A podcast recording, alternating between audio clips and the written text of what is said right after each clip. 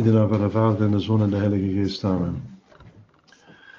Onze Vader in de hemelen, zijt gij zeg uw naam, uw rijk komen, uw wil geschieden op aarde als in de hemel. Geef ons heden ons dagelijks brood en vergeef ons onze schulden, gelijk ook wij vergeven aan onze schuldenaren.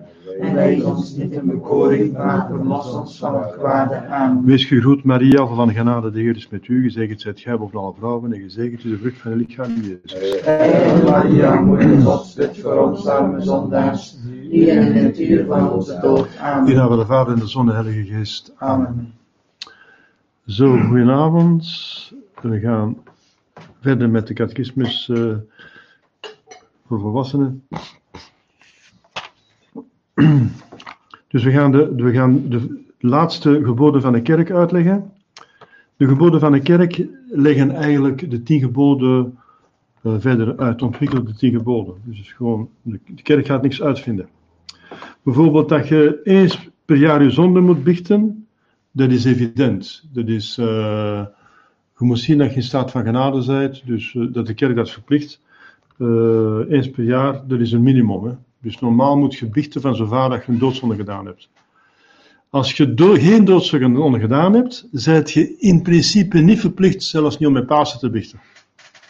Maar ja, omdat, som, omdat mensen eh, soms vergeten dat ze een doodzonde gedaan hebben, dan raadt de kerk toch aan om het te doen. Maar strikt genomen kan niemand u verplichten om te biechten als je u niet van een doodzonde bewust bent na een serieus gewetensonderzoek. Maar wat dat je wel verplicht bent, dat is eh te communie te gaan rond Pasen. Dat er rond Pasen is, dat heeft de kerk weer beslist, maar dat is ook omdat het mooiste feest is natuurlijk. Het feest dat komt juist na de instelling van het Heilige Sacrament, op Witte Donderdag. Dus de kerk had op excuseer op Witte Donderdag kunnen verplichten, maar op Witte Donderdag werken de mensen en het is geen verplichte feestdag.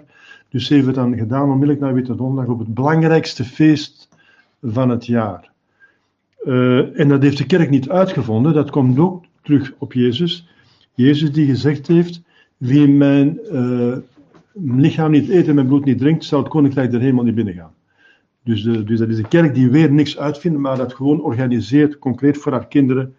Dus eh, als een goede moeder dat dan ook eh, de um, geboden van de Vader God ontwikkelt. dus we gaan het nu zien hoe dat het er staat. dus vraag 317. Wat gebiedt het vierde gebod van de Heilige Kerk? Eenmaal per jaar zijn zonnen te biechten. Ja. Maar ehm, het is natuurlijk, eh, het is natuurlijk eh, een minimum. Hè. Ik herhaal het. Men is eigenlijk verplicht van te biechten te gaan ehm, als men gezondigd heeft. Van zo gauw men doodzonde gedaan, moet men zo vlug mogelijk gaan biechten. Dat is ook evident. Want men kan ondertussen sterven en dan is het natuurlijk een ramp. Hè. Als je natuurlijk nog met een doodzonde zit die niet gebicht is, dat is niet goed. Dus daarom moet men eigenlijk, dat is het gezond verstand, uh, onmiddellijk gaan biechten nadat men een doodzonde gedaan heeft, zo vlug mogelijk. Maar ik herhaal het, uh, omdat sommige mensen dat dan uh, verwaarlozen en, en, zelfs vergeten dat ze een, in het geval dat ze een doodzonde gedaan hebben. Ehm, dan heeft de kerk daar nog speciaal aandacht aan besteed om daar de mensen op te, op te wijzen. Hm? Dan 318 moet de verplichting van om de zon te biechten enkel verstaan worden van de doodzonde. Ja, dus de verplichting, ik herhaal het, dus is alleen maar voor doodzonde. Voilà. Maar dikwijls is het niet gemakkelijk onderscheid te maken tussen doodzonde en dagelijkse zonde. Er zijn zo, soms van die grijze zones. En daarom is het altijd zeer geraden te biechten. Dus, dus, sommige mensen zijn dus niet uh, dus, uh, bewust dat ze dus echt zeker een doodzonde begaan hebben. Maar er is een twijfel. En alleen om het geweten gerust te stellen. En uiteindelijk zegt Sint Paulus ook: Ik ben me van geen zonde bewust. Maar daarmee ben ik niet in orde. Want ik ga mezelf niet oordelen. Het is God die mij oordeelt. Dus uh, om toch in orde te zijn, dan is het toch inderdaad aan te raden, zeer aangeraden om te biechten als er een twijfel is over doodzonde. Weet je? Dan zet je er zeker van af. De, de heiligen zeggen, het is beter dat je uzelf beschuldigt. In het geheim, dat wil zeggen, met ene priester, in het geheim, dat is het biechtgeheim, het is ook in privé, niemand anders hoort dat. Uh, dan dat het is bij het laatste oordeel de ganse wereld En alle mensen gaan eh, te weten komen wat dat je misdaan hebt en dat je zelfs een moed niet gaat om te biechten. Dus het is beter uzelf te beschuldigen. Dan zal Jezus u niet meer moeten beschuldigen bij het laatste oordeel. Hè? Publiekelijk. Hè, want, eh, dus, dus als je dus de moed hebt om jezelf te beschuldigen in het geheim tegen één persoon, dan verhindert je dat je publiekelijk door Jezus beschuldigd wordt voor iedereen hè, op het einde van de wereld. Hè. Want er zijn twee oordelen. Komt een oordeel na de dood en een oordeel op het einde van de wereld. Dat is het vierde gebod. Dan het vijfde gebod, eh, dat hangt ermee samen. Want om te commune te gaan moet men in staat van genade zijn. Dus eh, eh, daarmee moet men eerst dus, de dat de kerk die twee geboden aan elkaar vast eh, hangt, hè, plaatst. Hè, dus men moet dus rond Pasen bichten en ook te- vooral te communie gaan. Ik zeg het, de biechtverplichting is niet absoluut. Die is alleen voor mensen die een doodzonde gedaan hebben. Maar in twijfel moet men bichten. En het is dus aangeraden om te bichten. En je mocht ook bichten natuurlijk voor je dagelijkse zonden. Hè? Dus de bicht is natuurlijk vooral voor de doodzonde, om een staat van genade terug te geven. Maar kan ook gebruikt worden natuurlijk voor de dagelijkse zonde. Dat is evident. Eh, de dagelijkse zonde. Dus dagelijkse zonden zijn voldoende materie om te bichten. Onvolmaaktheden niet. Dat weet je. Dus een onvolmaaktheid is niet voldoende om te bichten. Dan kun je geen absolutie krijgen. Als je alleen maar onvolmaaktheden gedaan hebt, dat kan voorkomen. Dat de mensen, het kan voorkomen. Ik heb al mensen gehad die, die bijvoorbeeld om de week om de 14 dagen biechten en die dan de 14 dagen geen, zelfs geen dagelijkse zonde zouden gedaan hebben. Dat kan, hè? Dat kan, hè?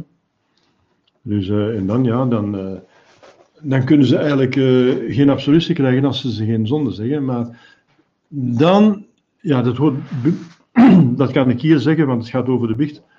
Maar dat zult je dan horen bij de sacramenten. Want we gaan dus het, eh, het vierde deel gaat over de sacramenten. Maar ik kan het nu al zeggen. Dus er bestaat ook de devotiebicht. Een devotiebicht, dat is een bicht die niet verplicht is. eh, want je hebt geen doodzonde gedaan. Ehm, maar je gaat toch bichten. Uh, devotie, dat betekent. Een bicht is een sacrament dat je kunt herhalen.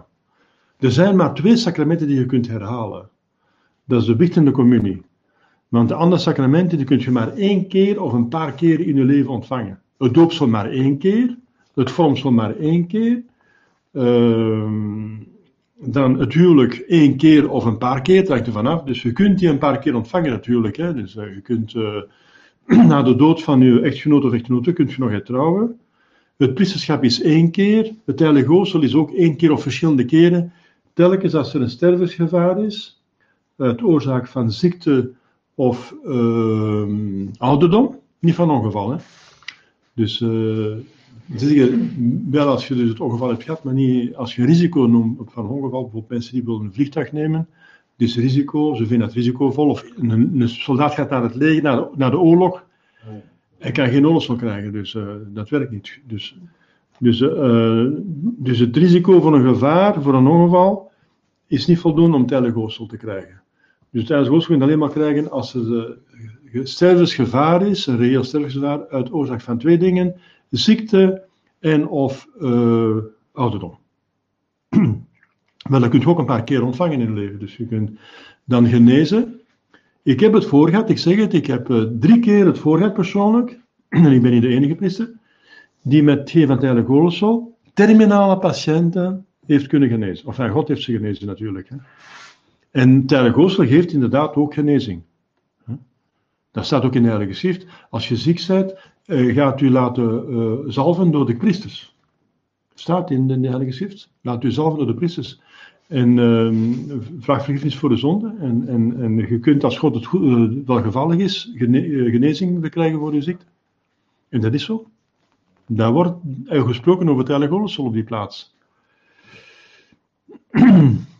dus de, de bicht, dus de devotiebicht is dat je dus geen uh, doodzonde, zelfs geen, de, geen doodzonde bichten hebt, die zijn niet verplicht om te bichten, maar hij gaat bichten omdat het een van de twee sacramenten zijn, of is, die uh, herhaaldelijk kan ontvangen worden, zelfs dagelijks. Je kunt dagelijks te communie gaan. Je kunt zelfs dagelijks te bichten gaan. Dat kan. Dus in, in de, ik heb het al verteld een andere keer, ik, heb, uh, uh, ik weet niet of je nog herinnert. Uh, maar in de regel van de Dominicanen bijvoorbeeld, in de middeleeuwen, dus in de tijd van Sint Thomas stond erin dat dus, dus de priester, telkens hij de mis wou opdragen, moet voor de mis bichten. En vermis Sint Thomas bijvoorbeeld elke dag de mis opdroeg, dat is niet verplicht. De mensen weten dat ook niet. De, priester is niet verplicht om elke dag de mis op te dragen. Hij doet dat wel, uh, maar de kerk verplicht hem niet. Wat je dagelijks verplicht bent als priester is brevier bidden. Dat is verplicht op staf van doodzonde. Maar de mis niet. Uh, dat moet je regelmatig doen, uh, in, in maar niet op zondag. Dus je, en als je pastoor bent, moet je, dus je verplicht natuurlijk voor de, voor de parochie de mis op te dragen. Maar gezien omstandigheden, dan ehm, de nood nu, dragen wij elke dag de mis op. Dat is wegens de nood. En in sommige congregaties is het verplicht. Maar dan is het omdat in de regel staat van de congregatie. Maar de kerk legt dat niet op aan alle priesters. Fijne tussen haakjes. Hè. Maar in de Dominicanen regel, uh, in ieder geval Sint Thomas, die droeg elke dag de mis op. En ook zijn secretaris, want Sint Thomas die was, die heeft dus heel veel uh, dus, uh, werken geschreven of hij laten schrijven, want zijn secretaris die het dan opschreef, de pater Reginald, die droeg ook elke dag de mis op.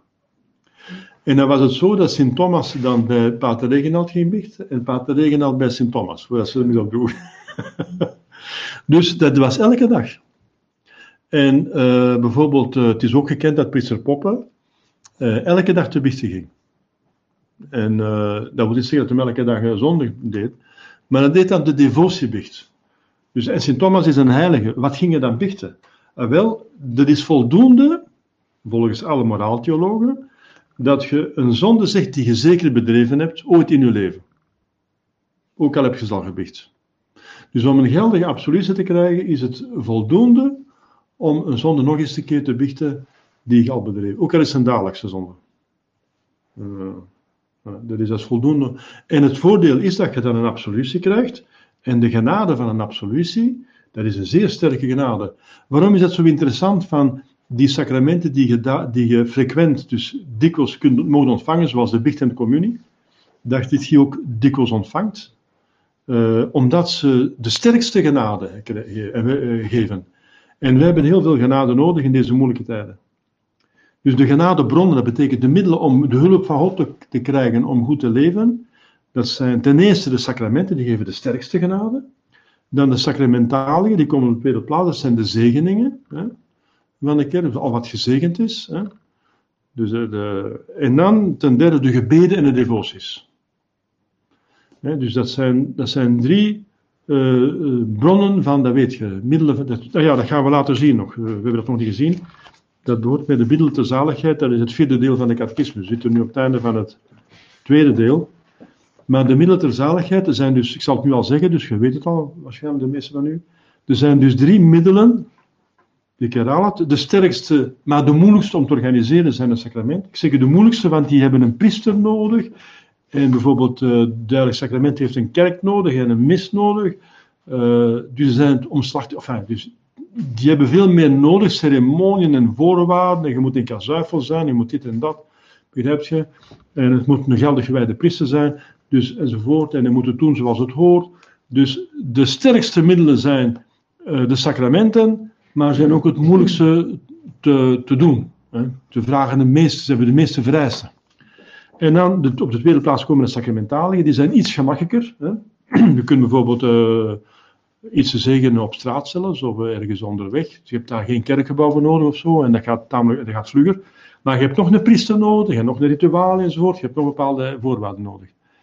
Op de derde plaats dus de minst krachtige, maar ook nog krachtige middel om genade te verkrijgen zijn gebeden en, en, en, eh, en uh, devoties. En die vragen de minste voorwaarden.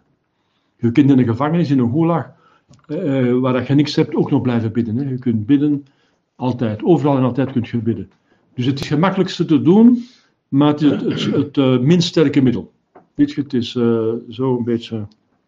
Dus uh, ik kom terug naar het begin, wat ik eigenlijk aan het zeggen was, dat het kracht, de krachtigste middelen om genade te verkrijgen, dat wil zeggen hulp van God om het goede te doen en het kwade te laten, hetgeen dat we nodig hebben, want we zijn allemaal zwak, we zijn allemaal zwak, En door de erfzonde is ons verstand verduisterd en onze wil verzwakt en geneigd tot het kwade. Dat zijn de gevolgen van de erfzonde. Bovendien heb je nu de invloed van de wereld, hè, die is niet min. De duivel is ook losgeslagen. In 1884 heeft hij meer macht gekregen om de kerk kapot te krijgen. Dat weet je, dat is uh, het visioen dat Leo XIII gekregen had. Dus we hebben serieuze moeilijkheden te overwinnen om naar de hemel te gaan. Dus we hebben toch wel hulp nodig. Hè. Dus we gaan met een tandem naar de hemel. Een tandem, dat betekent met twee dingen. Ik noem dat een tandem. Hè. Dus dat is uw goede wil. Hm? Het goede wil, het altijd willen, het tot einde toe willen, zegt Sint Thomas. Maar je hebt hulp nodig, dus ook de genade afsmeken en de genade gebruiken. Je hebt die twee nodig. Je hebt de genade nodig. Zonder de genade kun je het niet halen. Maar je hebt ook je wil nodig. Je moet goede, de genade heeft de goede wil nodig. En God beminnen met al uw krachten. Je hebt het vandaag gehoord in het evangelie. Dat is het belangrijkste gebod. Met al uw krachten van goede wil zijn. En dan gebruik maken van alle genade. En dan kom je er. Weet je dat? Dus je hebt die twee nodig. Zoveel mogelijk genade, zoveel mogelijk genade als nee, smeken. En dan een zo goed mogelijke wil. Hè, altijd zoveel mogelijk het goede willen. God beminnen met al uw krachten. Altijd, overal. Dus dag en nacht tot het einde van je leven. Alleen die volhard zal behouden blijven. Dus dat is. Uh, en daarom is het zo belangrijk om de krachtigste genademiddelen te gebruiken. En dat zijn juist de sacramenten. En dus ik kom terug wat ik wil, zeggen. Er zijn maar twee sacramenten die je echt heel frequent moet gebruiken, zelfs dagelijks. De communie één keer per dag. Hè? Maar de biecht mocht je eh, dus ook frequent. Je mocht zelfs biechten twee keer per dag. Als je dus een, je zegt gaan biechten morgens, maar je hebt het ongeluk van een, een zonne te doen. Uh, je kunt uh, eventueel nog teruggaan. Hè? Natuurlijk, de priesters moeten ter beschikking staan. Hè? Vroeger was dat geen probleem. Er waren priesters genoeg. Uh, twee, tegen, twee keer per dag om te gaan biechten, dat is een beetje, dat is een beetje veel. Tuurlijk. Maar ik spreek in theorie. Hè? In theorie. En dagelijks te biechten gaan, dat was, geen, dat was in de middeleeuwen toch geen uitzondering. Pisse poppen het ook. Ik heb het uitgeprobeerd. Ik heb het uitgeprobeerd uh, toen ik in Warschau zat. Uh, met, er waren zeven priesters. Ik dacht, ja, nu heb ik de gelegenheid om een priester te vragen. Ik dacht, ik ga eens een keer doen, uh, elke dag biechten. En inderdaad, dat heeft een geweldige kracht gegeven. Elke dag een biecht bij een confraterie dat u wou doen, dat ging vlug. Dat, dat, duurt, geen, geen, vijf minuten, dat duurt uh, uh, 45 seconden, of een, een minuutje. Uh, dat is, maar want je hebt maar, je zegt maar één zonde die je zeker bedreven hebt en die je uiteindelijk al gebicht hebt, dus een devotiebicht.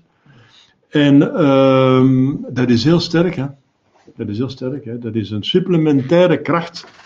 Want wij, dus, wij hebben dus elke dag ook een communie, want we doen elke dag de mis als priester. Elke dag de communie. Maar bovendien elke dag nog een bicht. Dat is echt, ja. Op, dus ik kan u iets vertellen, dat is, enfin, dat is niet, daar heb ik geen verdiensten aan, dat is, is gewoon God die dat geeft, want het is een sacramentele genade. Op een gegeven ogenblik zei die priester tegen mij, gestraald. Gestraald, zei hij. Zo'n krachtige genade geeft dat. Maar ja, je moet daarvoor in een priosij zitten, dus... Uh, ik had de gelegenheid met zeven priesters, want uh, ja, elke dag biechten. moest alle geloven elke dag willen gaan biechten, dus ik zou dat mee doen. Dus uh, ja, ik heb van die gelegenheid gebruik gemaakt en ik heb het zelf ondervonden dat het heel erg krachtig is. Ja. Zelf ondervonden? Ah ja, ik zeg het ja. Ik heb het zelf, uh, uitge ik heb het zelf uitgeprobeerd gedurende uh, ja, een jaar misschien of zo. Ja. Ja, ja, ja. Of ja, dus in de weekends waren, was ik dan weg, dan was ik alleen, maar als ik kon, ging ik dus regelmatig. ja. Enfin, dat is tussen haakjes. Maar in ieder geval, um, ja. Dus de kerkgebied van het vijfde gebod is van uh, eens keer per jaar te communiceren rond de paastijd waardig. Liefst in de parochiekerk. Er zijn verschillende elementen. En ook de biecht wordt liefst in de parochiekerk gedaan. Dat staat hier niet bij, maar dat staat in de catechismus van het Concilie van Trente. Uh, dat de biecht liefst bij je parochiepastoor gaat, dat is uh, omdat verschillende redenen. Dat de pastoor weet dat je gewicht hebt met paas, want hij is, hij is verantwoordelijk, hij moet nagaan dat je gewicht hebt. Dus hij, anders is hij misschien ongerust of zo, hij weet niet of je gewicht hebt. En de tweede reden is dat hij dan weet wat er onder de gelovigen waar, waar moeilijkheden zijn. Dus dan kan hij daar eventueel mee rekening houden. Dus met, zijn, met zijn preken of zo weer, dat hij eens een keer daar of daar gaat over spreken. dat hij weet wat er onder de gelovigen de moeilijkheden zijn. Natuurlijk, hij zal ook wel zien eventueel, maar zijn, niet alles kan hij zien en weten. Dat hij een beetje weet. eh, natuurlijk, hij moet altijd zien dat hij het biechtgeheim niet gaat eh, eh, dus, eh, eh, eh, verklappen. Maar dat, dat, dat, dat, gaat dus in een parochie waar er verschillende mensen zijn en hij spreekt over iets. eh, ja, dat is, eh, eh, dat is geen biechtgeheim verklappen. Zoals, zolang als hij niet zegt, de die of de die heeft dat of dat gedaan, is dat geen biechtgeheim verklappen. Hè? Dus hij mag daar rekening mee houden. Dus voor die twee redenen ehm, zegt de, het concilie van Tenne dat het ten sterkste aangeraden is om bij parochiepriester te gaan. Maar je bent niet verplicht. De kerk laat u vrij om te biechten bij de priester die je wilt. Tenminste op voorwaarde dat een geldig gewijde priester is en een katholieke, hè, dus, eh, geen ketter is, geen schismatiek natuurlijk, een, een katholieke priester is. Hè. Ehm, waarom? Omdat de biecht zo noodzakelijk is. Zo noodzakelijk, bijvoorbeeld vooral als er doodzonden zijn geweest, is ze noodzakelijk. Dus omdat het zo no- levensnoodzakelijk is, voor het bovennatuurlijk leven, eh, zo noodzakelijk is, er is niks belangrijker dan de biecht als je een doodzonde gedaan hebt, dan is al de rest dient niks. Zegt, zonder mij kunt je niks doen, zegt Jezus. Dus zonder de staat van genade, want dat is, met, dat is Jezus, de staat van, Jezus hebt je door de staat van genade. Zonder mij kunt je niks doen. Dus al uw goede werken dienen tot niks als je niet in staat van genade bent. Dus daarom is het belangrijkste wat er te doen is op een gegeven moment, op een gegeven moment wordt de biecht het belangrijkste sacrament Ja. omdat de staat van genade het belangrijkste is. Als je met de staat van genade heb je de hemel, zonder staat van genade heb je, heb je, eh, is je leven eh, naar de knoppen. Dus. De communie, Ja. de communie is niet het noodzakelijkste. Het is wel het eh, sterkste en het allerheiligste. Het is God zelf. Dus het is het meest waardige. Maar niet het noodzakelijkste. Het noodzakelijkste is eigenlijk het doopsel en de biecht. Het doopsel, want Jezus zegt, zonder doopsel gaat je de hemel niet in. Maar, eh, ik zeg het, ik heb het in de preek nog gezegd met u. Een kindje dat, eh, dat van een dat nog niet eh, de jaren van verstand heeft gehad, nog niet de eerste communie heeft afgelegd en dat sterft, gaat toch naar de hemel. Als het gedoopt is geweest. Dus je ziet, je kunt naar de hemel gaan zonder communie, hm, eventueel. Eh, maar je kunt niet naar de hemel gaan zonder doopsel. Onmogelijk. Je moet één van de drie doopsels hebben. Het sacramenteel doopsel of het doopsel van het bloed, dat wil zeggen, je zegt gestorven als catechumene voor je geloof. Dan zit je gedoopt in het bloed. Of veel het doopsel van begeerte. Dus iemand die niet kan gedoopt worden, want hij kent geen missionarissen en hij kent de kerk niet. eh, die heeft zoveel mogelijk God willen volgen, zijn geweten die hij eh, kent, eh, weet de stem van God. en zoveel mogelijk, die heeft het doopsel van begeerte. Er zijn drie doopsels. Maar zonder een van die drie kun je niet naar de hemel gaan. Dus dat is absoluut noodzakelijk. Maar het heilig sacrament is het allerwaardigste, het allerheiligste sacrament. Maar het is God zelf, in oogstijdige persoon, die daar tegenwoordig is. Dus dat is wel eh, heel krachtig, hè, de communie. Ziet je? Dus ehm, de kerk verplicht dus het minimum. Hè. Dat begrijp je, het is een minimum. Hè. Eh, als je hoort, de paus die, de, die de communiepaus wordt genoemd, Pius die sprak van een eh, frequente communie. Hè. Zoveel mogelijk. En heeft zelfs de communie toegestaan voor kinderen, want hij zegt de tijden zijn zo moeilijk eh, dat, je, dat de mensen zoveel mogelijk moeten kunnen communie gaan. En hij heeft de kinderen zo jong mogelijk zoveel mogelijk genade willen meegeven. Ik heb ontdekt dat die gewoonte van het vormsels te geven op 12 jaar eigenlijk een misbruik is in de kerk. Dat is eigenlijk een misbruik. Dus de kerk heeft altijd, maar ik heb niks anders geweten dat het vormsel gewegen wordt met je plechtige communie rond 12 jaar. Ik heb het altijd zo, dat was zelfs voor het concilie zo. Maar dat is eigenlijk een misbruik dat, dat binnengetreden is. Ehm, en Mons de Vijvere heeft dat, intuïtief, heeft dat teruggetrokken. heeft gezegd, eh, de kinderen hebben het zo moeilijk. En het vormsel geeft kracht dat ze zo vlug mogelijk het vormsel moeten ontvangen. Eh, en dat klopt met wat de kerk eigenlijk altijd gedaan heeft eeuwen tevoren. Ik heb ontdekt dat de kerk altijd eeuwen tevoren de kinderen onmiddellijk, dus na de jaren van verstand, moesten ze eh bichten. En moesten ze de communie ontvangen. Want je bent verplicht om de communie te ontvangen vanaf je de jaren van verstand hebt. Maar als je het onderscheid kunt maken tussen eh, het allerheiligste sacrament en gewoon brood, dan moet je de communie ontvangen. Dus je bent verplicht. Eh, en dan dus, dus van als de kinderen de jaren van verstand hebben, dat wordt nu gesteld op zes jaar. Waarom? Om, om, om, om ruzie te vermijden. Maar strikt genomen zijn de kinderen al op vier jaar klaar, die, die, die het al weten. Zijn kinderen op vier jaar al verstandig genoeg om het onderscheid te maken. Maar sommige kinderen zijn dan minder verstandig, en dat wel om zes jaar. En om ruzie onder de families te vermijden. Ja, ik heb een verstandig kind, mijn kind doet deze op vier jaar. Jij een dom kind, je communie op zes jaar of op zeven jaar. Uh, dat, dat veroorzaakte ja, spanningen in de, in de parochie. Om dat te vermijden heeft de kerk, de bisschoppen, de paus gezegd, ja, zes jaar doen we de eerste communie. Hm? Want dan is ieder kind ongeveer... Maar eigenlijk zijn die kinderen die het onderscheid al weten, die zijn eigenlijk uh, op, de honger, op hun honger. Die zijn op hun honger, op geestelijke honger. Die zouden eigenlijk al in zich, moest jij bijvoorbeeld in een parochie zijn waar heel weinig kinderen zijn, zoals nu, zou één kind zijn, zou die gewoon zeggen, ja kom, het kind weet nu het onderscheid tussen goed en kwaad, het heeft leren bichten. Uh, het weet het onderscheid tussen uh, Jezus, het geconsacreerde brood en een gewoon brood. Het, geeft het minimum aan catechismus, en dat kan deze communie doen. In zich is het kind verplicht van te communiceren vanaf het, het onderscheid weet. Maar de kerk heeft dat dan om de, vrede, de goede vrede te bewaren en op sociaal gezet. En wel, dus je weet dat de eerste communie voorafgegaan wordt door de eerste biecht natuurlijk. Dat is evident, want een kind kan zondigen. Er zijn zelfs kinderen die kunnen doodzondigen en er zijn zelfs kinderen, heiligen hebben gezien dat kinderen van zes jaar of zeven jaar in de hel zitten. Dus een kind is al in staat om doodzonde te begrijpen. Dat wil zeggen, wetens en willens, goed wetend, dat is een ernstige zaak en toch God beledigen en daar niet willen overbiechten, niet willen vanaf. Dus dat, is, uh, dat, dat, bestaat. Dus uh, een kind, van als je de verstand hebt en weet het goed en kwaad, kun je het goede doen of het kwade doen. En dan kun je inderdaad zondigen. Dat van als je het kind het verstand heeft, heeft het ook een vrije wil die in werking komt. En dan kan het ook zondigen, goed doen of kwaad doen. Voilà. Dus het kind moet eerst leren bichten. Dus na het doopsel, dat het krijgt, hm, daar beslist het niet over, daar beslissen de ouders over. Gelukkig, in naam van het kind, dat het kind is gedoopt. Maar vanaf dat kind verstand begint te krijgen, dan kan dat goed doen of kwaad doen, moet hij leren bichten. En dan moet dat zo vlug mogelijk de commune doen. Maar eerst de bicht. Dat wordt ook vergeten in de conciliaire kerk. Ze laten kinderen de commune doen en bichten. Eh, ik heb mensen ontmoet die eh, al jaren de commune gingen en die nooit hebben leren bichten. Dat is een totaal misbruik.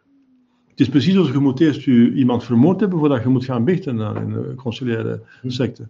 Ik heb niemand vermoord, ik heb niets fout gedaan. Ja, maar alstublieft, uh, zo werkt dat niet. Hè. Dus er zijn nog andere, er zijn tien geboden. Dat ze een catechismus niet kennen. Dus ze hebben nooit geen goede catechismus gehad. Dus uh, de kind moet de catechismus krijgen. Je moet een minimum dingen weten voordat je de sacramenten wordt ontvangen, behalve de, de, de, de. Maar dan, ja, dat weet je wel. Maar daar gaan we allemaal over spreken in het vierde gedeelte, want ik zit nu eigenlijk al, uh, ja, noodzakelijkerwijze spreekt dus het vijfde, het vierde en vijfde gebod van God een feest sacramenten. En terwijl de sacramenten eigenlijk behandeld worden in het vierde gedeelte. De meeste zit ik een beetje nu al uh, het, de materie van het vierde gedeelte uit te leggen. Uh, natuurlijk zeer interessant. Het is zeer interessant, want de sacramenten zijn voor ons heel belangrijk. En uh, het alledaagse sacrament, de communie, dat is God. Dus er kan heel veel over gezegd worden. Er komt ook de, de, hoe dat, dat te, te, teweeg wordt gebracht, dat zeggen door de mis. Je kunt dan een ganse catechismus geven over de heilige mis. Dat hoort er ook bij, maar dat gaan we nu allemaal niet behandelen, dat begrijp je wel. Het gaat nu om dus die, die geboden. Dus de kerk uh, verplicht je tot een absoluut minimum. Eén keer per jaar, de kerk heeft beslist dat één keer per jaar te binnen gaan het minimum is om te voldoen aan wat Jezus gevraagd heeft. Uh, dus wie mijn bloed eet, mijn, uh, mijn bloed drinkt en mijn vlees eet, dus die, hij vraagt, die moet, kan de hemel binnen gaan. Dus de, de dat Jezus dat vraagt, uh, dus, en de kerk organiseert dat op die manier. Uh, en dan liefst in de parochiekerk. Liefst, dat wil zeggen, het is een wens, maar de kerk verplicht dat niet uh, ja, om, ja, om de mensen gemakkelijk te maken. Ja. Maar, ah ja, daar was ik dus bezig met de biecht ook, liefst in de parochiekerk. maar de kerk laat de mensen toch vrij. Waarom? Omdat ik, voilà, omdat ik dus zei, dus ik was aan, aan, het ontwikkelen juist, die, die redenering. Omdat de, de, de bicht zo belangrijk is, omdat de staat van genade zo belangrijk is, heeft de kerk die sacramenten zo gemakkelijk mogelijk gemaakt. Want soms vind je het bezwaarlijk bij je parochiepriester te gaan bichten, want hij kent mij te goed, uh, zo, uh, Eh, sommige mensen zijn beschaamd eh, om bij, een, bij iemand die ze goed kent de biecht te gaan. Ja, dus, eh, dat dat kan bestaan. Dus om, om, omdat de schaamte dan mensen zou kunnen weerhouden, eh, laat de kerk toe van bij iedere geldige priester, eh, die, eh, die katholiek is natuurlijk, om daar te gaan bichten. Dus, dus eh, de kerk wil het zo gemakkelijk mogelijk maken, de bicht. Omdat het zo noodzakelijk is.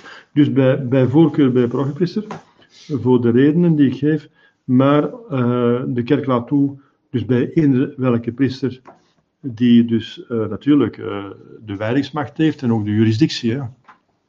Ja, dat is nog een grote kwestie van de jurisdictie. Ah ja, dat is ook nog een hele kwestie, de jurisdictie.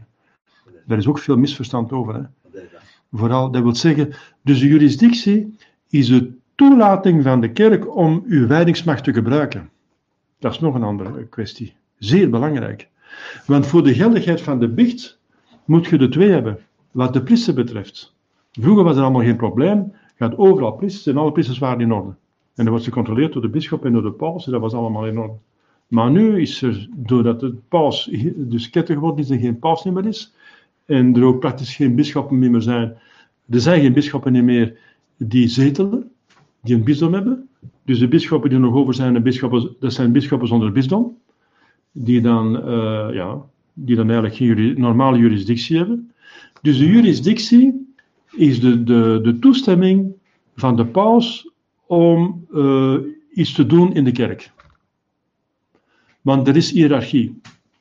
Dus de paus is de chef en onder hem zijn de bisschoppen en onder de bisschoppen zijn de, de, de pastoors en de onder de pastoors zijn de diakens enzovoort enzovoort. Dus er is hiërarchie. Dat wil zeggen, het is een, eh, een, een monarchie, dat wil zeggen, een monarch is een alleenheerser in de kerk, dat is normaal, in normale tijden de paus. En alle macht, dus alle macht eh, zit in de paus samengevat. En hij delegeert die macht, hij regeert de kerk. Hij geeft de administratieve macht. Dus als priester heb jij twee eh, machten. Je hebt een ordensmacht gekregen, die niemand u niet meer kan afnemen. Die, is, die, is, die, die, die, die, plakt dan nu, bij spreken, die is in uw ziel ge- ge- gebrand. Dus je zijt priester in eeuwigheid, sarceros in eternum. De wijding is definitief en voor altijd. Dus je hebt eeuwige eh, ordensmacht. Dus de macht van uw orde, van uw, van uw priesterorde, uw priesterwijding. En dat, zijn, dat is dus velerlei. Dus je hebt de macht om te consacreren. En je hebt de macht om zonen te vergeven. En je hebt de macht om te wijden. Hm? Dat zijn dingen die alleen een priester kan doen. En heb- je hebt ook dan eh, natuurlijk andere dingen. Natuurlijk, je hebt ook de, de plicht eh, om te onderwijzen. En die, dat krijg je door je, door je onderwijs dat je moet volgen, het seminarie. Jij moet onderlegd zijn en heb ook dus eh, die kennis moet je hebben. Maar dat komt omdat je die leert. Die moet je leren, die krijg je niet bij je wijding, maar die moet je geleerd hebben voor je wijding. En dat is wat een priester, eh, dat ze een priester niet kunnen afnemen. De priester zal altijd ordensmacht hebben, ook al wordt hij ketter, ook al wordt hij eh, afvallig, ook al gaat hij met een vrouw onderweg, die gaat weg. Dat is een macht die hij heeft in, in eternum, in eeuwigheid. En dus een priester die bijvoorbeeld eh, afvallig is, eh, die, heeft, die kan nog zonde vergeven. In tijden van nood is dat zelfs voorzien door het kanoniek recht. dat bijvoorbeeld als iemand op sterven ligt en die heeft doodzonde en die wil bichten en er is alleen nog maar een, een afvallige priester in de buurt, maar het is een geldig gewijde priester, dan staat de kerk toe dat je die nog vraagt om een absolutie te geven. En dat is geldig. Normaal mag die niet bichten, dus die heeft geen jurisdictie, maar die krijgt jurisdictie van, van de kerk in tijden van sterfsgevaar, van nood, grote nood. Ziet je? Dus je ziet, dus je hebt de, de priester heeft door zijn wijding een ordensmacht, maar heeft, dus heeft, zich, heeft de macht om dat en dat te doen, maar eh, hij heeft nog iets anders nodig. Hij heeft ook nog de jurisdictie nodig om zijn macht uit te oefenen. Ik zal een voorbeeld ge- geven. De kerk is eigenlijk een leger. Hè? We zijn de militante kerk, dus eh, de, de, de strijdende kerk. We zijn een leger in, in slagorde geschaard. We hebben een strijd te leveren. Hè? Ik zal een vijandschap stellen tussen u en de vrouw, tussen u en de aanhalingsgeschap. Er is een, een oorlog tussen de goede en de kwade. Hè? Tussen, de, tussen, tussen, tussen God en een duivel, tussen Jezus en, en Satan, tussen de, de kerk en de kinderen van het, van de duisternis. De kinderen van het licht, van de... Het is een oorlog. Hm? Een geestelijke oorlog. Hm? Wel, uh, in een oorlog zijn er officieren. En je hebt een koning, een generaal en je hebt officieren. En een, een, een soldaat bijvoorbeeld, een paracommando, die heeft allerlei uh, bekwaamheden. Die is gedrild. Die weet hoe hij met wapens moet opgaan, dat hij moet dat en dat. Die weet, die kan van alles. Maar die mag toch zelf niet beslissen waar hij dat gaat uitoefenen. Ik kan dus zeggen, nu heb ik goesting om te gaan vechten in Vietnam, nu heb ik goesting om te gaan vechten in Afghanistan, nu ga ik in ergens in, uh, in Ethiopië nog wat een beetje rondhangen en zo. Ik ga nog wat zitten schieten naar, uh, ik weet niet waar. Dat mag hij toch niet beslissen. Maar hij kan het wel. Hij heeft die bevoegdheden om op te treden. Uh, hij kan het. Hij heeft die bekwaamheid, maar hij heeft niet de toestemming. Dat wordt geregeld door de generaal, door de koning, door de generaal, door een officier. Zegt, nu ga jij daar naartoe, en jij gaat dat doen, en gaat dat doen, en gaat dat doen. Begrijp je? In de kerk is het juist hetzelfde. Wij hebben bekwaamheden, die ik u uitgelegd heb. Wij hebben de macht om te consacreren en zonder te vergeven. En zelfs met toestemming van een paus vormsel toe te dienen in tijden van nood. Dat kan een priester doen. Normaal moet een bischop dat doen, maar een priester kan dat als hij nog een speciaal mandaat krijgt, een speciale juridictie. In tijden van nood kan zelfs een priester het vormsel toedienen enzovoort. Maar hij heeft inderdaad, uh, dus hij mag dat zomaar niet uitoefenen. Er moet een overste, dus een, uiteindelijk de paus, alle macht, alle dus administratieve macht, dus, dus uh, uh, gouvernementele macht, gouvernement, dus, uh, dus, dus regeringsmacht in de kerk, wordt bij de paus. En hij delegeert aan de bisschoppen en de, de, de bisschoppen delegeerden verder. En zo gaat dat. Dus, uh, dus de priester, de bisschoppen kunnen niets doen zonder toestemming van de paus. Maar dat wordt geregeld door het kanoniek recht, dat ook weer door de paus is opgesteld. Weet je? Kanoniek recht is door de paus opgesteld, door de paus opgesteld, en daar wordt geregeld, onder andere, hoe dat de priesters hun macht kunnen gebruiken. Maar om nu terug te komen tot de biecht, dus om te mogen bichten, maar dat is ook voor de mis opdragen, om de mis te mogen opdragen, uh, om te mogen uh, pastoor zijn enzovoort, heb je niet alleen uw wijdingsmacht nodig, maar ook uw uh, jurisdictie. Jurisdictie. En jurisdictie, dat betekent dat een paus of een bisschop, of degene die de macht heeft, die, die, die macht heeft, u zegt dat je dat en dat mocht doen. Bijvoorbeeld alleen die priesters mogen bichthoren die scheldig gewijd zijn en die ook jurisdictie gekregen hebben van een bisschop. Huh? Maar dat is in normale tijden. Nu zitten wij toevallig, dat is uitzonderlijk, dat is nog nooit geweest. Het is nog nooit geweest in de geschiedenis van de kerk, dat zegt het Eerste Concilie van, van, van het Vaticaan in 1870. Nog nooit in de geschiedenis geweest dat een paus ketter is geworden en zijn pauschap verloren heeft. En dat is gebeurd in 64 en 65. Dat, uh, en, en nu zitten wij zonder paus. En met dat we zonder paus zitten, 60 jaar zitten we ook na 60 jaar zonder bisschoppen met jurisdictie. Dat betekent ordinarius, dat betekent bisschoppen die zetelen in een bisdom. Geen ene. Geen ene. Want al die bisschoppen die nog bestaan, al die kardinalen, al die aartsbisschoppen, al die patriarchen, al die kanuniken, dus al die, al die abten, al diegenen die jurisdictie hebben, die normaal jurisdictie hebben van de paus, is allemaal verdeeld en georganiseerd, die hebben allemaal Vaticaan II aanvaard. En die zijn allemaal ketter. En het is nog erger, doordat de sacramenten zijn veranderd door Vaticaan II en dus ongeldig zijn gemaakt, tenminste twijfelachtig, maar twijfelachtige sacramenten moet dat ongeldig beschouwd worden, hebben ze zelfs geen ordensmacht niet meer. Er is geen enkele kardinaal niet meer. Geen enkele kardinaal. Al die kardinalen die, die, die zogezegd bestaan, die, die, dat zijn nepkardinalen. Dat zijn antikardinalen. Zoals er geen paus is. Het is een neppaus, het is een, een antipaus, een, een neppaus. En wat is hetzelfde met de kardinalen? Want om kardinaal te zijn, moet je gecreëerd zijn door een echte paus. De laatste echte paus was Paulus VI tot aan zijn ketterij. En wat is geen enkele kardinaal nu nog in leven die gecreëerd is geweest door een echte paus. Die zijn allemaal gecreëerd geweest door neppausen na hun ketterij, dus die nooit geen paus waren. Dus je hebt geen kardinaal niet meer. Hetzelfde met de zetelende bisschop. Je hebt geen enkele zetelende bisschop niet meer uh, die uh, aangesteld is geweest door een echte paus. Die zijn allemaal overleden. En, uh, Als er nog een paar zijn, dan zijn ze op pensioen. Dan zijn ze 90 op een 100 jaar. Hè? Hoeveel zijn er nog in de wereld? Eh, drie of vier. Dus er zijn nog drie of vier bisschoppen die gewijd zijn geweest door een eh, onder een echte paus. Hallo, er is niet veel niet meer. Hè? En die zijn niet meer in functie, want die zijn zo oud dat ze niet meer kunnen functioneren. Dus die hebben dus geen eh, jurisdictie. Eh, en die kunnen ook geen jurisdictie doorgeven. Als een priester wilt bichten, heeft hij, nu heeft hij dus jurisdictie nodig. Waar, maar dan kun je zeggen, dan is er geen jurisdictie meer, dus de priesters kunnen geen missie meer opdragen, ze kunnen geen bicht meer horen, er is niks meer. Maar dat betekent dat de kerk dood is. En dat kan niet, want Jezus heeft gezegd, de kerk zal bestaan tot het einde van de wereld. Maar er is nog een andere soort jurisdictie, dat heet jurisdictie van suppletie of van vervanging. En ik heb al een voorbeeld gegeven. Bijvoorbeeld, een afvallige priester heeft geen jurisdictie meer. Die heeft geen toestemming meer om zijn priesterorde uit te oefenen, want hij is, hij is een ketter, hij is schandalig, hij leeft in doodzon, hij leeft met een vrouw, ik weet niet wat, of is uh, afvallig geworden enzovoort. En hij mag zijn priesterschap niet meer uitoefenen. Maar in geval van stervensgevaar, van grote nood mag het wel.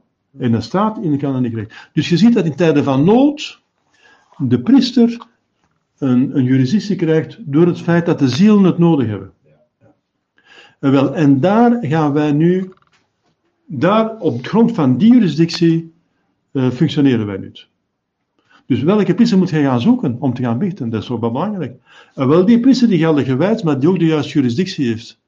Dat betekent die, uh, die, die, die zelf geen ketter is en die zijn plicht doet en die ordersmacht heeft. En door het feit dat de mensen het nodig hebben. De mensen moeten zondags naar de mis kunnen gaan. De mensen hebben een preken nodig. De mensen hebben een bicht nodig. De mensen hebben een sacramentalie nodig. De mensen hebben een sacramenten nodig. De mensen hebben dat nodig. Ze hebben daar zelfs een recht op. Als je gedoopt bent, staat in kanoniek recht dat jij een recht hebt, een goddelijk recht op de juiste toedemming van de sacramenten. Je hebt daar een recht op. Dus de priester mag dat niet weigeren. Ja. Als de seminaristen vroegen aan ons Lefebvre, geef ons een seminarie, geef ons het priesterschap, mocht hij niet weigeren. Want hij was nog een van de weinige bisschoppen die nog het katholieke geloof hadden. Hij kon niet weigeren. Ze hebben het recht, dus hij heeft de plicht. Want de recht correspondeert altijd aan een plicht. Als iemand het recht heeft, dan heb jij de plicht om dat recht te geven. Als jij die macht hebt om het te geven. Maar wat gebeurt er dan? Wel, om een lang verhaal kort te maken, maar je wist het al, de meeste van u. Dus de jurisdictie die er nu is, dat wil zeggen de, de, toestemming om uw ordensmacht te gebruiken, die is niet meer normaal. Die is buitengewoon. Die is niet meer gewoon, die is buitengewoon. Die is dus de suppletie.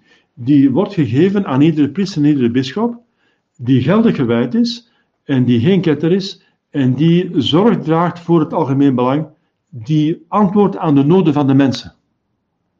En dan krijg jij van God de jurisdictie. Ik zeg het wordt gecompliceerd met de broederschap Pius bijvoorbeeld. Waarom? Omdat broederschap Pius hè, uh, dat zijn geldig gewijde priesters, enfin de meeste van hen. Er zijn een paar uitzonderingen, die uh, dan novo zoden die bekeerd zijn en niet erwijd zijn. Dus dat is, dat is natuurlijk, dat zijn spelbrekers. Dat zijn normaal uh, geen geldig gewijde priesters. Maar de meeste in de broederschap zijn door de geldige bisschoppen, geldig gewijde gewijd, dus zijn geldig gewijd. Maar omdat ze dus uh, net paus als paus erkennen, zijn ze tot een overeenkomst gekomen met Rome. En een van die overeenkomsten met Franciscus nu, en zelfs met Benedictus was al, onder Benedictus 16, uh, nee, met, het was met Franciscus. Het is met het jaar van Martrijds begonnen. Het is in, in 2017 of 18. Ja. Hebben ze de uh, jurisdictie gekregen om te bichten. En ze hebben gezegd, wij aanvaarden de jurisdictie van Franciscus. Maar Franciscus heeft geen jurisdictie, omdat het een ketter is. Hm? Begrijp je? Dus een ketter heeft geen jurisdictie. Dat is ook een, een, een, eh, dat weet je, een ketter staat buiten de kerk. Hoe kan iemand die buiten de kerk is, uh, de kerk leiden? Begrijp je? Dat kan niet. Dus de, de, um, dus het is heel belangrijk, uh, laten we niet afleiden. Want anders zijn we de draad kwijt. Dit is heel belangrijk dit. Uh, de priesterbroederschap Justine heeft jurisdictie gevraagd aan een ketter die geen paus meer is door zijn ketterij. Hij is zeker ketter, hij is geloofsafvallig, dus hij is geen paus, hij heeft geen juridictie. En die heeft zogezegd juridictie gegeven en zij gebruiken die juridictie. En ze hebben duidelijk gezegd dat ze andere juridictie uh, weigeren. Dus staat op de website van de broederschap, in de Benelux en zelfs in Amerika duidelijk, wij aanvaarden de juridictie van Franciscus en we hebben dus die juridictie van Supplecie niet meer nodig. Dat betekent dat ze die nep-juridictie gebruiken. Die, dus ze hebben geen juridictie. Daarmee wordt hun biecht ongeldig. Hallo. Dat is heel belangrijk. Dus de priesters van de priesterbroederschap, uh, die hebben nu, zelfs al zijn ze geldige bij de priesters, dat zijn ongeldige biechten geworden. Of het zou moeten gaan zijn dat je naar een priester gaat van de broederschap, die zegt, ja, ik neem die, die van Franciscus niet, ik gebruik de juridictie van suppletie. Dan moeten we dat duidelijk zeggen. Maar als je lid bent van de broederschap, dan word je verondersteld van de juridictie van Franciscus, want de oversten hebben dat beslist. Er is een overeenkomst tussen Mons en Felève, en, uh, en, dus, en, dat is voor de hele broederschap, dat is nog altijd geldig, de pater Pagliarani, uh, die nu oversten is, dat ze een overeenkomst hebben met Franciscus, dat ze zijn juridictie aanvaarden voor de bicht. Maar dan is er een element dat ontbreekt voor de geldigheid van de bicht, namelijk een, een juridictie. De mensen zijn dat vergeten, hè, dat geval van de juridictie. Ze zijn dat vergeten omdat dat niet te sprake kwam. Omdat al zoveel jaren wij gebruik maken van de juridictie van suppletie en dat is vanzelfsprekend geworden. Zoals het vroeger vanzelfsprekend was dat je een juridictie had van de, van de plaatselijke bisschop. Maar sinds dat akkoord is, in het jaar van de bemartigheid, 2018 zeg het eens, 2018, 17, 2018, hè, is er een jaar van bemartigheid geweest waar Franciscus gezegd heeft, ik geef juridictie uh, voor alle priesters van de broederschap gedurende een jaar. En na het jaar heeft hij gezegd, ik ga dat, uh, ik ga dat bestendigen onbeperkt. En Verleef zegt, dank u wel. En ze hebben gezegd, wij aanvaarden deze juridictie en we zijn blij met de juridictie, nu hebben we dus een normale juridictie. Ze hebben helemaal geen normale juridictie, ze hebben niks, want het is, een, het is zelfs geen paus. Dus een neppaus heeft niet de macht om juridictie te geven. Ja, u hebt nog een vraag? Uh, zijn de sacramenten dan geldig? Ja, maar een sacrament kan geldig zijn, maar doodzonde. Dus de geldigheid is belangrijk langs de ene kant en langs de kant niet belangrijk. Dus, dus het is niet omdat iets geldig is dat het goed is. Hè? Je kunt een kind verwekken buiten het huwelijk ook. Hè? Dan is het kind er, maar het is wel uh, een doodzonde geweest. Hè? Begrijp je? Dus de geldigheid heeft te maken, het is of het is niet. Dus ze hebben nog wel geldige sacramenten, ja, als ze tenminste doen zoals het hoort. Maar dat hebben de schismatieke oosterlingen ook, hè, geldige sacramenten. Hè? En het is een doodzonde om daarvan gebruik te maken. Begrijp je? Dus, dus, de, de, dus de, de, geldigheid heeft te maken met het is of het is niet. De gehoorloofdheid heeft te maken met het mag of het mag niet. Het is goed of het is slecht. En je moet beide hebben. Het moet geldig zijn en geoorloofd. Want als het alleen maar geldig is, kan het een zware zonde doen. Er zijn satanist, priesters, die spijt doen dat is gebeurd, dat die satanist worden. En die dan speciaal gelden consacreren om doosje te kunnen misbruiken. Je kunt, en je kunt zeggen, ja, die, zijn mis is geldig. Zijn mis is geldig. Je kunt toch niet de mis meemaken van een satanist? Terwijl die een geldige mis doet. Om naar die notie te Dus begrijp je? Dus dat de, de, de consecratie geldig is, dat maakt niet dat de mis goed is, hè? Pas op, vergis u niet, hè? dat is dan nog een grote vergissing van de mensen. Hè? Zeggen, ja, maar het is geldig, ze hebben een geldige consecratie. Ja, hey. Een geldige consecratie kan zwaar zondig zijn. Als dat gebeurt in een nieuwe mis. Bijvoorbeeld een nieuwe mis is zwaar zondig. Als je een nieuwe mis geldig consecreert, dan heb je een zwaar zonde gedaan. Want je kunt in een nieuwe mis geldig consecreren. Als je een geldig gewijde priester bent, die de juiste materie gebruikt, gebruikt de juiste woorden en je hebt de juiste intentie die je bijvoegt, want die staat niet meer in het offertorium, heb jij geldige consecratie in een doodzondige mis. Dus pas op, er zijn mensen die zeggen: Ik ga naar de nieuwe mis. Het is nog een priester die geldig consecreert. Het is nog een geldige mis, nog een geldige min. Nee, nee, nee, nee, het is geen geldige mis. Het is een geldige consecratie, maar het is een ongeldige, doodzondige, ketterse, protestantse uh, mis van. van nee, nee, nee, nee, nee, nee, nee. Dat is nog een grote. De mensen vergissen zich op veel punten. Ja, zeg het eens mocht je bieden, uh, mocht je bieden als je niet gedoopt bent? Of moet je bieden als je niet... Als je niet gedoopt bent, mocht je niet biechten. Nee, nee, nee. Nee, de doopsel is de, uh, de ingang, de intrede, ja. de toetreden tot de kerk. Ja, de doopsel geeft macht. Ja. De, de, er zijn drie sacramenten die een onuitwisbaar merkteken geven, dat wil zeggen die een macht verlenen. Eh, wel, de macht die het, dus de, de doopsel is een van de drie sacramenten die een onuitwisbaar merkteken in de ziel maken. En wat, welke macht geeft die? Eh, wel, dat is een passieve macht.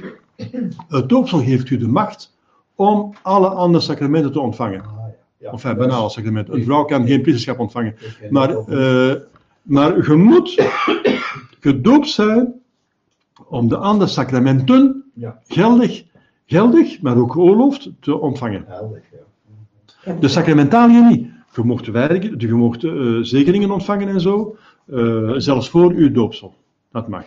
Ja. Ja, je mocht zelfs het, eh, bijvoorbeeld de schapelier van, eh, van Ah, ja. kerkgaan, Ja. die mag opgelegd worden aan iemand die catechumeen is. Dat mag. Dat mag. Dus dat is. eh, dus, dus je, mag een, je mocht die zegenen en zo, je mocht kinderen zeggen die nog niet gedoopt zijn. Dat mocht je. Hm, Dat is zelfs heel goed. Sacramentaliën die mocht je geven als het geen schandaal verwekt. Als het niet de indruk Ja, verwekt dat ze zoals alle katholieken zijn. Je mocht geen schandaal wekken tussen de gelovigen, maar als er geen schandaal wekt, mocht jij catechumenen Ja. en zelfs aan, aan de mensen mocht jij de sacramentalen geven en zo. Dus als je er mocht verbidden, hè. je mocht ook verbidden, maar geen sacramenten. De sacram- sacramenten, om de sacramenten geldig te ontvangen, moet je gedoopt zijn. En geldig gedoopt zijn. Ja. Ja, nog een vraag? Ja, wat moeten we nu verstaan? De priesters mogen niet met de hostie op de tong geven. Ze moeten ze in de hand geven. Ah ja, ja, maar dat is dus. Ja, eh, ja, wat ja. moeten we nu verstaan onder een geestelijke communie? ja, wat is een geestelijke communie? Ja, als we een keer Eh. Ja. ja, maar eh, eh, wij, dus wij mogen de communie niet meer op de tong, op de tong geven. ja. Dat is waar, dus dat staat, eh, dat, dat, wordt, dat wordt gezegd door de postconciliaire secte, hè? Eh, want zij hebben geen probleem met de handcommunie. Je moet dan de communie zo laten vallen in de handen van die landen, dus eh, op afstand met masker aan en zo. Ja. Het is een heel maskerade geworden, enfin, de, de, eh, de communiedienst. Maar eh, bij, in het traditionele, ware, echte katholieke godsdienst, mocht je de handcommunie niet geven. En de, de conciliaire kerk, dat trekt ons niks van aan. Maar het probleem is dat de staat, de Belgische staat en de Franse staat, die hebben gezegd, er mag geen fysisch contact zijn. Door de covid-probleem. Ja. Ja. En tongcommunie wordt als fysisch contact gezien, terwijl het niet echt fysisch contact is, want jij raakt zijn, aan, zijn, de geloven niet aan. Hè? Dus jij raakt wel de hostie aan en, hij, en ook dan maar je raakt de, niet aan. Maar ja, het wordt beschouwd als fysisch contact. Maar gelukkig passen ze die wet niet toe. Het is geen controle. Dus, eh, dus de, er zijn verschillende kerken, die, eh, grote kerken van, van mensen die van priesters die traditioneel misdoen, en er is geen controle. Dus gelukkig hè, dat het, dat er geen controle is. Dus gelukkig is er geen controle, want dat, dat zou wel eerlijk zijn. Maar een geestelijke communie is eh, een communie, maar waarbij je de hostie niet ontvangt. Ja. Dus op, op het moment, en die gebeurt op het moment dat er een communie is in een mis. Dus op het moment dat er een Ja. communie is in Ja. een mis, Ja, ja. kunt jij u verenigen met Jezus, eh, die, ehm, ja, er bestaan gebeden voor, hè. ja. maar je kunt dat uitdrukken met wij gedachten, Ja. je kunt acten van geloof bij liefde en dank, je kunt, Ja. je kunt dezelfde gebeden doen als met de communie, maar alleen dat je Jezus niet echt eh, dus, eh, sacramenteel ontvangen hebt. ja. Dus, maar omdat bij, op het moment van de communie is er een communiegenade. Dit is een communiegenade. En degene die moet communiceren is de priester. Dus altijd een communie bij de mis. Anders is de mis on- eh, dus, eh, ongeldig. Hè? Communiceren, maar kan. Dus de, de consecratie kan geldig zijn zonder eh, communie. Bijvoorbeeld als de priester sterft na de consecratie, is er een geldige consecratie geweest. Maar er is geen geldige mis geweest. De mis is pas volledig af, is echt een mis als de communie geweest is. De communie is, tot een, is een essentieel deel van de mis. En daarmee moet de priester communiceren. En als hij een tweede mis moet doen, voor de nood van de gelovigen of van de kerk, eh, bijvoorbeeld ik heb nu twee mis gedaan, er zijn twee parochietjes, dus de, de twee missen, dan moet de priester twee keer communiceren. Alhoewel dat er normaal maar één communie toegestaan is per dag. Maar omwille van het algemeen welzijn moet de priester dan communiceren, omdat de communie tot een essentieel deel behoort van de mis. Het offertorium is een essentieel deel, de consecratie en de communie. En al de rest zijn ceremoniën die, eh, die, de, die, de, die de, het allerlei sacrament omgeven en die nodig zijn en nuttig, maar die niet behoren tot de geldigheid van de, van de mis. Ja, ja. Hè? Dus, eh, dat, dus ook, dus de droom, droom heeft je pas een geldige mis gehad als je dus zet van voor de, de, de preek en voor de, eh, de evangelie. En na de communie. Als je na de communie weggaat, heb je mis gehad, maar je hebt het echt niet om weg te gaan als je geen goede reden hebt. Maar je hebt toch een mis gehad. Maar als je voor de communie de kerk verlaat, heb je geen zondagsmis gehad. Want je hebt een essentieel deel. En de, dus er is een communiegenade op het moment van de communie. En met die, jij kunt u verenigen met die genade. In, in geloof op en liefde kunt jij u verenigen. Jezus die zich geeft aan die priester die de communiceerd heeft en aan al dit communie gaan. eh, hij wil zich ook zoveel mogelijk aan u geven. Maar op het moment dat Jezus zich geeft en de genade, dat de genade die bekomen zijn bij de consecratie, want de consecratie die brengt het kruisoffer tegenwoordig, wel die genade die bekomen zijn door de consecratie, die worden uitgedeeld bij de communie. Dus de genade worden pas vrijgegeven en het wordt uitgedrukt dat de genade worden vrijgegeven bij de communie. En omdat je aanwezig bent, en er is ook voor u gebeden geweest in de kanon, dus bij het offertorium wordt er gezegd voor aanwezigen en afwezigen, voor de eh, levenden en, en, en de doden. Er wordt gebeden voor alle christenen, aanwezigen of, of, afwe- of afwezigen. Dus de aanwezigen hebben speciaal genade. En die genade komt vrij, komt vrij, die, die sacramentele genade van de consecratie, die komt vrij bij de communie. Ik weet heel goed, ik kan iedere mis een ziel uit het vagevuur halen. Want ik heb de heldhaftige liefdes, eh, eh, dus daad eh, of eh, gebed gedaan. En dus de priester die dat doet, die kan bij elke mis dan een ziel uit het vagevuur halen. En wel, ik weet dat die ziel pas vrijkomt na de communie. Want dan wordt het pas toegepast. Ik zie dat soms. Ik zie, ik zie dat soms. Ja, ja, ja, ja. Die ziel komt mij bedanken. Dat zeg ik u. Dus dat zeg ik u. Die ziel komt mij bedanken. Dat is een, soort glorielicht. Dat is een, geweldige vreugde. Dat is een geweldige... Dat is een, een hemelse zaligheid die, die, waar ze mij komen voor bedanken. Ja, die is dankbaar. Zie dat? Dan zie je dat toch van iedereen? Nee, nee, het is van de... Vagevuur. Dat vuur. Ah, ja, Nee, nee, nee, nee, nee, nee, dat is het ja, vagevuur. Hè. ja, ja. Er is een ziel die uit het vagevuur wordt gehaald. Dat is de volle aflaat. Ja. Ah, Wel, Ja, ja, ja. wel eh, ik, heb, ik heb gemerkt, ik heb gemerkt bij de communie, dat er bij de communie, maar na de communie pas, dat er zo'n soort uh, glorielicht zich aan mij manifesteert. En, en eh, ik weet niet wat dat is. Dat is die ziel die vrijgekomen is en die mij komt bedanken. Want die zijn dankbaar. Want een dankbaarheid is een plicht. En die, die zielen die kunnen niet meer zondigen, want die zijn heilig. En die komt mij bedanken. En dat is een, een zeer zacht, de, jullie zien dat niet, maar ik zie dat. Ja, Maar het is reëel, hè. En het is iets heerlijk, het is iets van de hemel, hè. Die is in de hemel, dus die is meteen in de hemel gekomen. Hè. Maar dat is na de communie, dat is niet na de consecratie. Ja. Ah. Dat is na de communie, juist na de communie, juist na de communie. Dus ik heb de communie gehad, en dat is op het moment dat ik mijn handen nam, heb, eh, en op dat moment eh, manifesteerde zich, enfin, ja, op een heel andere manier, die, hebben, dus, dat, is, eh, mooi, hè? Dus, maar, dat is, maar, dat is een maar dat is een bevestiging van theologie, die zegt dus dat. En de geestelijke communie dus, dat betekent dat je dus die, die genade die vrijkomt van de consecratie, die komt natuurlijk het sterkste tot u door de communie, maar die komt ook tot u als je er gewoon aanwezig bent. Heet de geestelijke communie, als je daar echt op concentreert. Komt En dat is heel belangrijk, die geestelijke communie, want Pisse Poppen is, daardoor, dat is een van de middelen waardoor Pisse Poppen heilig geworden is. Hè? Pisse Poppen is in de roep van de heiligheid. Hè? Pisse Poppen. En wel, dat was een van zijn belangrijkste devoties. Want hij wist dat er de hele dag door, in, want de wereld is rond, hè? en de hele dag door zijn de, eh, de katholieke kerk is over de hele wereld verspreid. En overal zijn de priesters de hele dag door die de mis opdragen. Vooral in zijn tijd. Hè. Nu is het natuurlijk een beetje eh, moeilijker met de traditionele. Maar nog de kerk, er zijn over de hele wereld nog steeds traditionele priesters die de, de goede mis doen.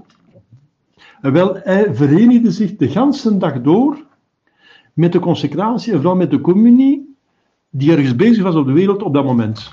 Ah. Hij was daar voortdurend mee opgericht. En hij leefde ervan. Want ik zeg het, iedere mis wordt opgedragen ook voor afwezigen. Dat staat in de kanon.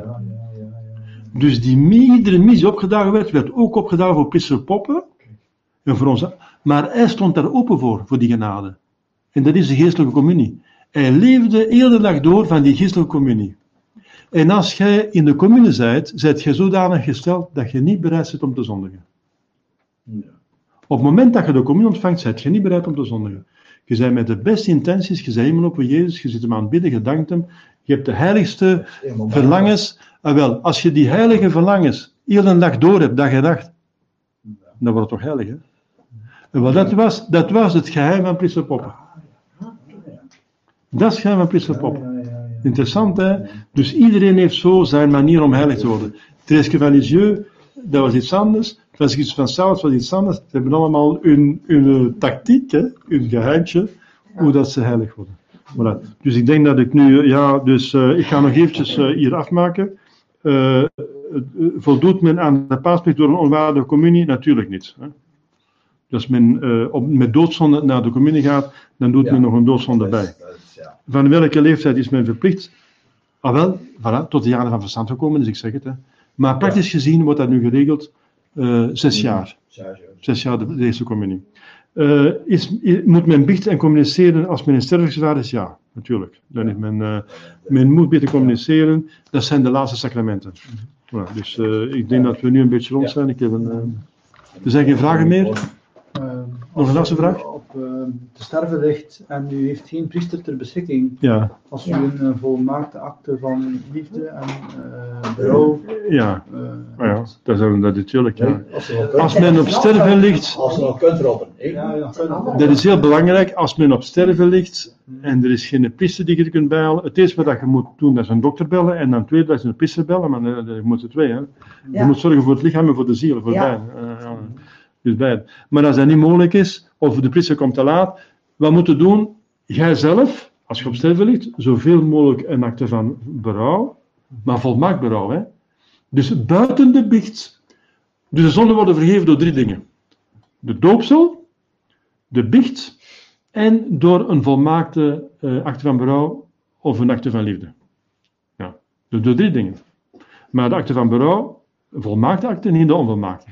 De onvolmaakte acte van berouw is voldoende om geluk te biechten, maar niet om vergiffenis te krijgen van uw doodzonde buiten de biecht.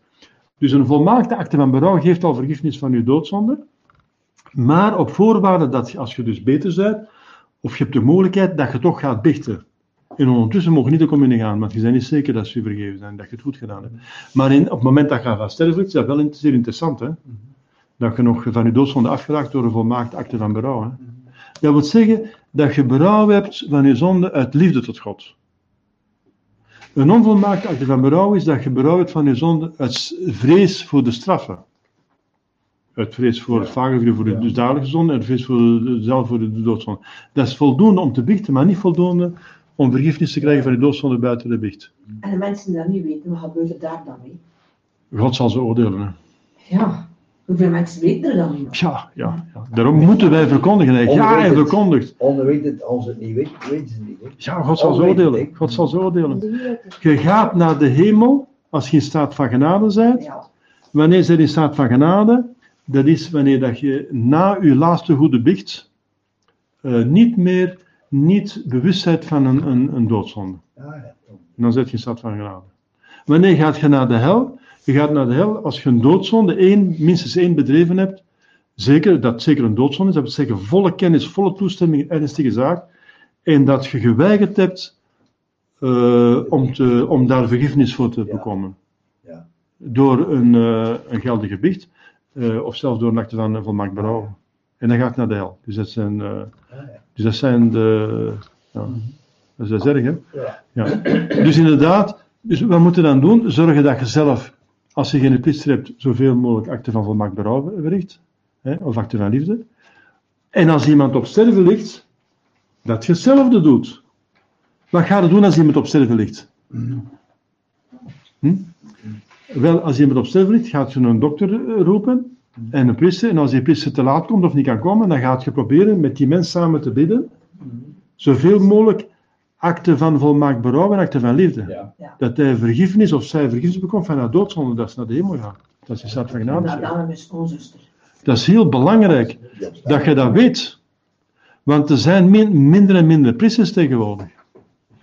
Dat is, van, dat, is van, dat is van het allergrootste belang. Want hun eeuwigheid hangt ervan af. En in de kliniek komen ze niet ziekenhuizen mee. komen ze niet Voor, eh, voor, eh, ja. Nou, in de kliniek komen er wel, hè, maar dat zijn dan leken die, eh, pastoraal. Ja, ja. die, die, die, die, die eh, eh, zalven met, met, ik weet niet wat, met, met, Ja. met, met, Ja. zonne, met zonnebloemolie. Ja. Eh, dat door een nepbischop nog is eh, gewijd geweest in, een- in een nep eh, dingen. Ja, maar het lijkt nergens meer op. Oké. Ja.